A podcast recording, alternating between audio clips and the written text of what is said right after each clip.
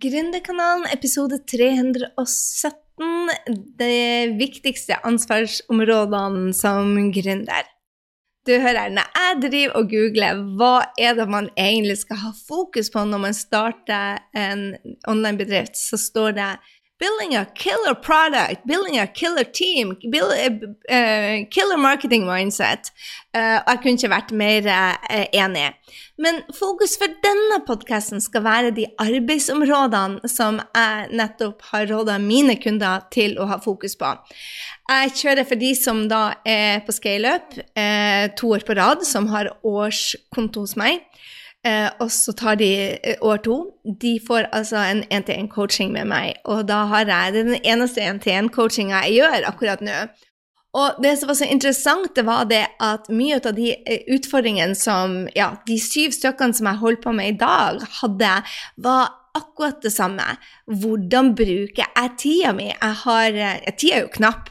Um, og vi vil jobbe mindre, tjene mer og hjelpe flere. Det er det ingen tvil om. Men hvor skal du bruke den tida? Og jeg har lyst til å dele med deg de tre bolkene som jeg deler min tid oppi, også nå når vi har passert ti millioner. Så jeg sier at Vanligvis så fra du er null til én million, så går det i en, er det en viss type oppgaver du driver på med. Fra én eh, million til fem, når du tar femgangen, så er det en viss type oppgaver du driver på med. Og fra fem til ti og ti til 20, så er det eh, en viss type oppgaver man gjør. Det er de samme type oppgavene. Jeg har delt inn i tre. Den ene er resultater eh, som bringer kunden, altså resultat hva kaller det for det? Inntektsbringende oppgaver til deg sjøl. Det er salget. ok? Salg og markedsføring. Og så er det eh, resultatbringende oppgaver til din kunde. Altså det som skal til for at de får resultater. For meg er det f.eks. coaching det er alt det jeg gjør på scaleup. Meetupsene, powerfriendsene, kunnskapsbygginga, mentale treningen jeg kjører på. Ja, pusteteknikkene som jeg hjelper dem med på, på søndager, er også en del ut av det. Da skaper jeg resultater for kundene, sånn at de skal få de beste resultatene. Men det er faktisk bare 25% av tida mi. Og jeg tror at den biten der er den som I de første 90 dagene så er det nesten null jeg vil si faktisk det er null til du kjører det første salget. Mens da inntektsbringende oppgaver da er enda mer. Det er kanskje 80-90% av de oppgavene du gjør, handler om inntektsbringende oppgaver.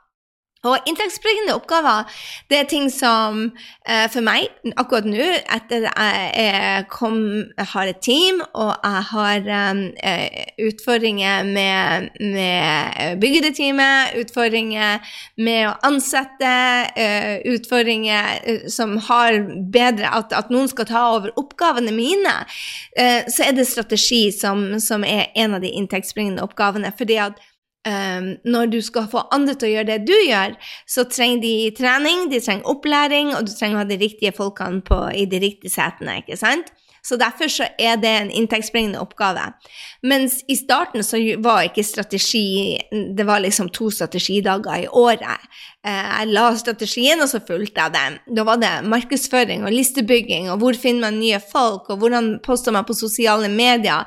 For meg var det blogg eller podkast eller annonseringer disse åpnene hvor de kan legge igjen navn og e-mail, eller powerfriend-strategier. Alt dette her er de inntektsbringende oppgavene. Og hvis du er helt, helt ny, så er det der du bruker 90% av tida di. Har du kommet deg opp til en million, så vil jeg eller gjennomføre de La oss si bare 100 000, hvor du har fått de første salgene dine. Så går den litt ned, og så blir du og mer og mer å få over til um, de, um, ja, de resultatene du skal skape for kundene. Men så hadde jeg nettopp en samtale med ei som heter Lena, en av drømmekundene mine som er helt rå, men hun har 100 jobb ved siden av og holder på å bygge opp sin business. Og da sa jeg til henne at det eneste du skal bruke tida på de neste 90 dagene, er få følgere, bygge lister. Det er inntektsbringende oppgaver. Det er det du gjør. Og når du har solgt det første kurset, så For hun skulle selge kurs. Ne, mm, nå tror jeg blanda faktisk Therese og, og, Lena, for Lena skulle selge én-til-én, mens Therese skulle selge kurs. Så, så, uansett, så når du da begynner, har solgt én-til-én-timer, så bruker du selvfølgelig coachingen, da, eller timene dine. Eller du skal ha en event, da er det resultattida til kundene dine. De får en del. Men fram til du har solgt, det har ikke så stor plass. Mange sier til meg det at ja, men jeg må jo ha online-kurset mitt ferdig, eller coachingprogrammet ferdig, og jeg bare mm, mm, Det er bedre å lære deg å selge det først, og så kan du øve det mens du selger det. Så de, de tre viktigste oppgavene um, som jeg gjør Jeg starta egentlig dagen min um, veldig enkelt. Jeg starta den med morgenrutinen min, selvfølgelig. Og for meg så er det en del av preppetida, det er ikke en del av arbeidstida. Jeg prepper meg selv til å være min beste versjon. Og når jeg da setter meg ned og gjør de tre viktigste oppgavene, så er det med e-mail stengt av, det er med sosiale medier av, det er med null forstyrrelser. De tre viktigste oppgavene er 99% av tida de inntektsbringende oppgavene. Og det er det jeg prioriterer først i kalenderen. Eh, ofte er det det som krever min kreativitet. Jeg har alt som heter møter, avtaler, coachinger, kjører etter klokken 13. Så nå i disse dager, så du hører denne på torsdagen, men da har jeg hatt coaching mandag, tirsdag, onsdag. Torsdag har jeg coachingdag hjemme hos meg, eh, og fredagen har jeg en heldags eh, coaching. Så hele denne uka er egentlig resultat til kundene. Men dette, selv om det er nesten hele uka, så har jeg tre timer på starten av dagen som går på markedsføring, listebygging og hvordan jeg får bygd teamet. That's it. Inntektsbringende oppgaver først. Så tar jeg heller resultatet kundene etterpå. Selv om denne uka da er faktisk Det er den uka som jeg har, eh, har mest eh, jobb å gjøre med kunder. For vi har heldagssamling, og jeg har en gruppesamling her hjemme hos meg i tillegg til én-til-én-timene. Jeg bruker å putte det inn i en uke. Så har jeg likevel de tre første timene på dagen har jeg til inntektsbringende oppgaver. For salg og markedsføring er det som gir resultater. Det er det vi skal leve ut av. Og en ting jeg vet, er at når først kundene kommet inn, i hvert fall de som jeg jobber med, så er de så rå på å levere resultatene at de overleverer til kundene sine uansett. Det siste jeg gjør, det jeg tar sist på dagen, og det som får minst prosent av tida, det er admin-oppgaver. Det er teamoppfølging, det er IT, det er økonomi, det er reiseregninger. Eh, jeg har alltid fokus på de oppgavene som tar meg til de økonomiske målene. Eh, jeg får veldig mye tynn for at jeg sier at salg er viktigere enn å skape resultater for kundene, eller uh, Ja. Det, hver, jeg får mye tynn for det. Men årsaken til at jeg sier det, er at hvis du ikke har, eh, kan salg, så får du faktisk ikke gitt noen resultater til kundene. Og jeg vet at de som blir tiltrukket ut av meg og den måten jeg driver business på, de overleverer alltid til kundene sine. Det, jeg har ikke hatt en kunde som ikke har overlevert til kundene sine. Det er ingen ut av dem som sier bare 'Oh my God, jeg skulle ønske at jeg jobba mer med kundene mine og, og, og mindre med, med salg'. Um, jo, det hører jeg faktisk veldig ofte, for å være helt ærlig, men det er for at de syns de oppgavene er morsomst. Men her er greia. Når du har kommet til en million, så kan du sette ut de oppgavene som du ikke syns er så morsomt. Som f.eks. admin-oppgaver, eller en del av de tingene på listebygging, eller hvor du finner mer nye folk, eller hvordan du eh, Altså, sosiale medier. Det var som ene kunden min som jeg hadde i dag, så sa jeg bare Oh my God, du har posta på sosiale medier om dette temaet i fjor, i forfjor fjor og året før der igjen.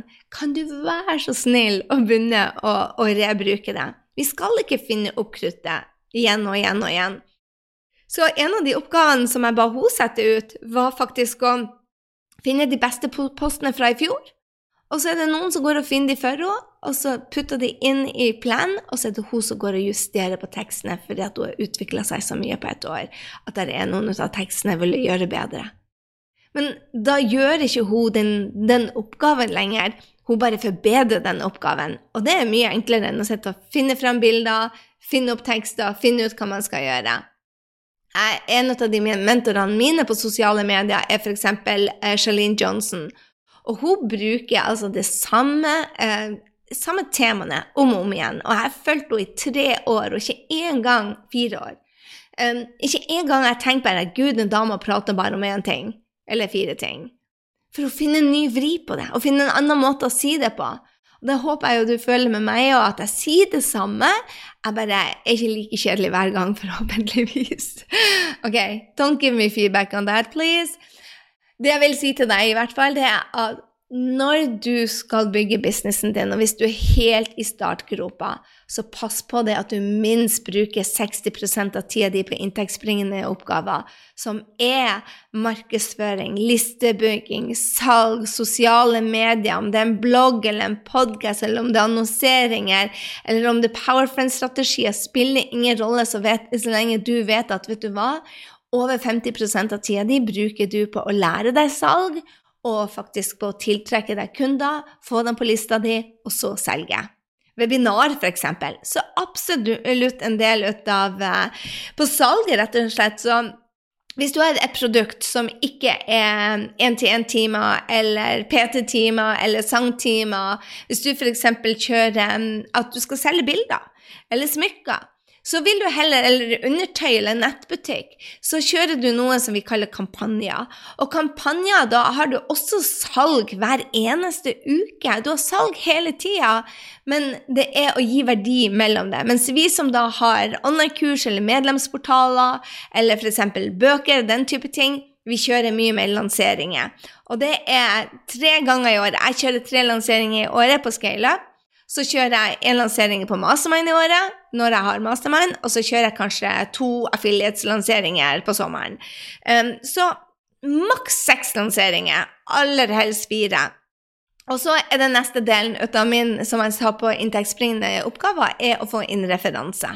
Så uh, det er de, at du er klar over hva er det du skal gjøre på den tida du gjør, det er bare hyperviktig. Det er bare så viktig. Så når jeg snakka med kundene mine i dag, så sa jeg bare pass på det at du vet hva du skal gjøre når du skal på jobben. Og det er der vi bruker 90-dagersplanen. Så har du ikke um, ehm, lasta den ned, så gjør det. For det gir deg sånn fokus at når du kommer på jobben, så vet du ok, her er det jeg skal gjøre. Mitt mål er å tjene 100 000 de neste 90 dagene. For å komme til 100 000 så må jeg ha kanskje 500 på eh, nye følgere. Eh, jeg må ha 600 stykker til sammen på lista mi, og jeg skal kjøre én lansering, eller jeg skal kjøre fem kampanjer. Men det at du vet det, er så viktig, sånn at du vet at når du kommer på jobb, så har du singeltasking, du gjør batchjobber, f.eks. Jeg gjør alle podkastene mine på én dag, eller jeg kjører alle reelsene mine for denne uka på en dag, men jeg har fokus på at jeg gjør én ting i gangen jeg gjør det kreative først. Jeg gjør tre viktigste oppgavene hver eneste dag. Og så er det ett stort prosjekt som jeg vurderer hver 90. dag. Så det er litt å ta tak i, men jeg har bare lyst til å dele med deg det at inntektsbringende oppgaver må ikke stå som andre prioritering. Det må stå som første prioritet. For når, når du skal tjene penger, så er det salg og markedsføring som er viktigst. Og kjenner jeg det rett, så vil du gjøre hva som helst for kundene dine, så det kommer. Kanskje blir du overlovet deg den første gangen eller den andre gangen, men det er faktisk verdt det. For det er mye bedre at du får kunder, sånn at du har noen å levere til, eller at du har laget et produkt som er så bra, men du har ikke lært deg salget ennå. Så det var det jeg hadde til deg. Jeg håper det, og du går og laster ned 90-dagersplan med en eneste gang. Du finner den på grysynding.no slash 90 dager, eller du kan gå på shownotesene. Eh, der finner du de òg. Og så høres vi allerede i neste uke, for da er jeg tilbake. Og da skal du få et råspennende intervju med en av de tøffeste damene jeg vet om, som har nå eh, mange ansatte. Hun har eh, laga en business basert på den merkeligste nisjen jeg har noen gang hørt om. Ok, Jeg har hørt om hesteballett, det syns jeg var veldig rart, men den her er ikke langt unna. Så, eh, og hvordan kan du da omsette for mange millioner, ha et stort team når du bor in the middle of nowhere, og har altså en fantastisk bedrift som gjør en forskjell for så mange mennesker. Så gled deg! Før du gjør det, hvis du elsker disse podkastene og er kommet så langt som det her, så ta og screenshotte den og del den gjerne. Vi er nå både på iTunes, vi er på eh, eh Spotify, og så finner du oss også på grysynding.no slash blogg.